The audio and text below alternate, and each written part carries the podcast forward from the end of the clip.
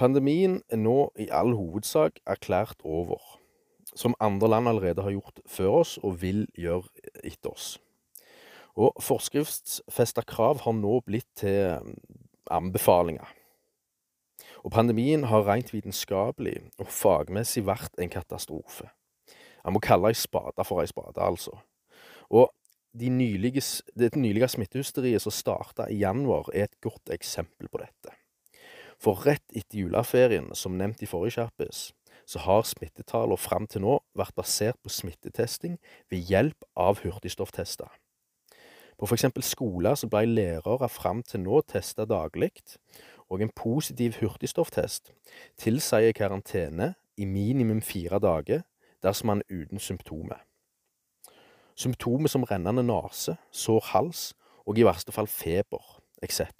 Det vi for to år siden kalte forkjølelse eller influensa.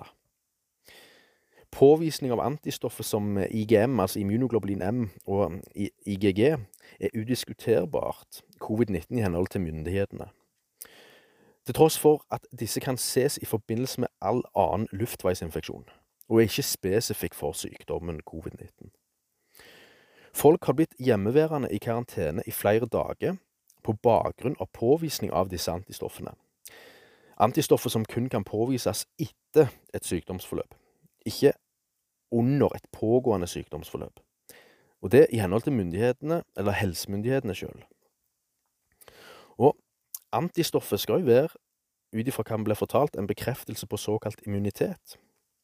Men folk kan ha de eksakt samme antistoffene påvist og aldri hatt symptomer og vært syk, og omvendt. Folk må i mange tilfeller ta en test for å vite om de er syke eller syke nok. De med påvist covid-19 har i flere av tilfellene fra et klinisk ståsted ikke vært syke nok til å være hjemme, men det har vært hjemmel i lov, har det blitt sagt, å holde seg hjemme på grunn av at en hurtigstofftest etter juleferien har sagt det, eller tilsier det. Og Samtidig så har jo virksomheter opplevd store problemer med bemanning, og årsaken er jo selvforklarende. Flere har jo sittet hjemme i karantene i mange dager med milde til svært lave symptomer, og hatt dårlig samvittighet for overbelasta kollegaer, som eksempel i barnehagene. Og tidligere test for diagnostisering av covid-19, altså PCR-testen, den ble nylig ikke aktuell å bruke lenger i henhold til CDC sjøl, jeg kommer tilbake til hvorfor. Og den serologiske antistofftesten har det vært begrensa kapasitet for oss å utøve grunn den økte smittetrenden. Og denne, på lik linje med hurtigstofftesten, har ikke vært godkjent til diagnostisering. Men den serologiske antistofftesten er i det minste mer nøyaktig enn lillebroren hurtigstofftesten, som etter juleferien hysterisk har blitt brukt overalt. Og merk deg, den ble ikke brukt til diagnostisering, men til statistisk diagnostisering. Og det er nettopp disse statistiske tallene som har stått på repeat dag inn og dag ut og den offisielle bakgrunnen til at det har blitt uaktuelt med PCR-testen og den serologiske antistofftesten, sies det at skyldes mangel på ressurser hos utøvende laboratorier og instanser. Og samtidig som disse uttalelsene gis, så har det faktisk vært slik at PCR-testen kun har vært godkjent på bakgrunn av en såkalt nødsituasjon. Pandemien i seg sjøl, altså og er ikke lenger godkjent for bruk. For den, altså dens godkjenning, den utløp 31. desember i fjor, og dette er informasjon fra CDC sjøl. Så under normale omstendigheter tilfredsstiller ikke denne testen gjeldende kriterier, og hvis han ønsker å vite mer om PCR-testen, så hør Kjappes 18 og 21. Så praksisen og metodikken rundt det hele har nå snudd 180 grader. Og grunnen til det er at den lovfesta nødgodkjenninga har utgått. Det er ikke lenger rettsmessig lovlig å drive disse tiltakene. Og det forklarer hvorfor antistofftesten etter juleferien, altså hurtigstofftesten, ble brukt som statistisk diagnostisering, nettopp fordi PCR-testen ikke lenger var ansett som rettsmessig lovlig å bruke til virkelig diagnostisering. Så hvordan kan han stille en diagnose på sykdommen covid-19 da, som forsvarliggjør hele pandemien? En annen ting er at å basere alle smittetall etter juleferien på en hurtigstofftest vil i alle samfunn føre til kraftige smittetall med påfølgende konsekvenser. Når det er sagt, så er det nå slik at vi mennesker selvsagt blir syke, men årsak til sykdom ut ifra moderne medisin sitt ståsted tåler ikke granskning, og det viser seg gang på gang. Vi er vitne til nok en gang en historisk pandemi, og som tidligere pandemier så er ikke årsaken som legges fram vitenskapelige. For granskning av metodikken som vitenskapelig praktiseres, viser motsigelser og faktisk antivitenskap. Og denne pandemien, som alle andre pandemier, er basert på samme grunnleggende prinsipper. Men forskjellen nå under denne pandemien er at vi lever i den sjøl og kontrastene er synlige for alle som ønsker å se. Hvis vi ikke denne gangen klarer å se hvor våre feil er og har vært, er vi dømt til å gjenta historie.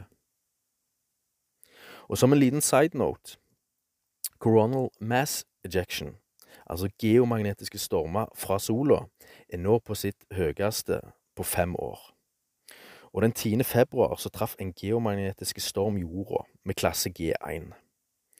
Samtidig dagen etter, den 11. februar, traff ei interplanetarske bølge jorda med samme styrke. Dette vil garantert øke åra framover, siden vi har gått inn i en ny solsyklus. Og antatte solflekker på sola har faktisk overgått spådde langtidsvarsler i hele 15 måneder på rad. For eksempel desember i fjor hadde dobbelt så høyt antall solflekker enn antatt. Og i 2020 var det ni dager totalt med G1 geomagnetiske stormer. Og dette antall økte drastisk i fjor, med 25 dager. Og den største av disse var G4-stormen 4. november.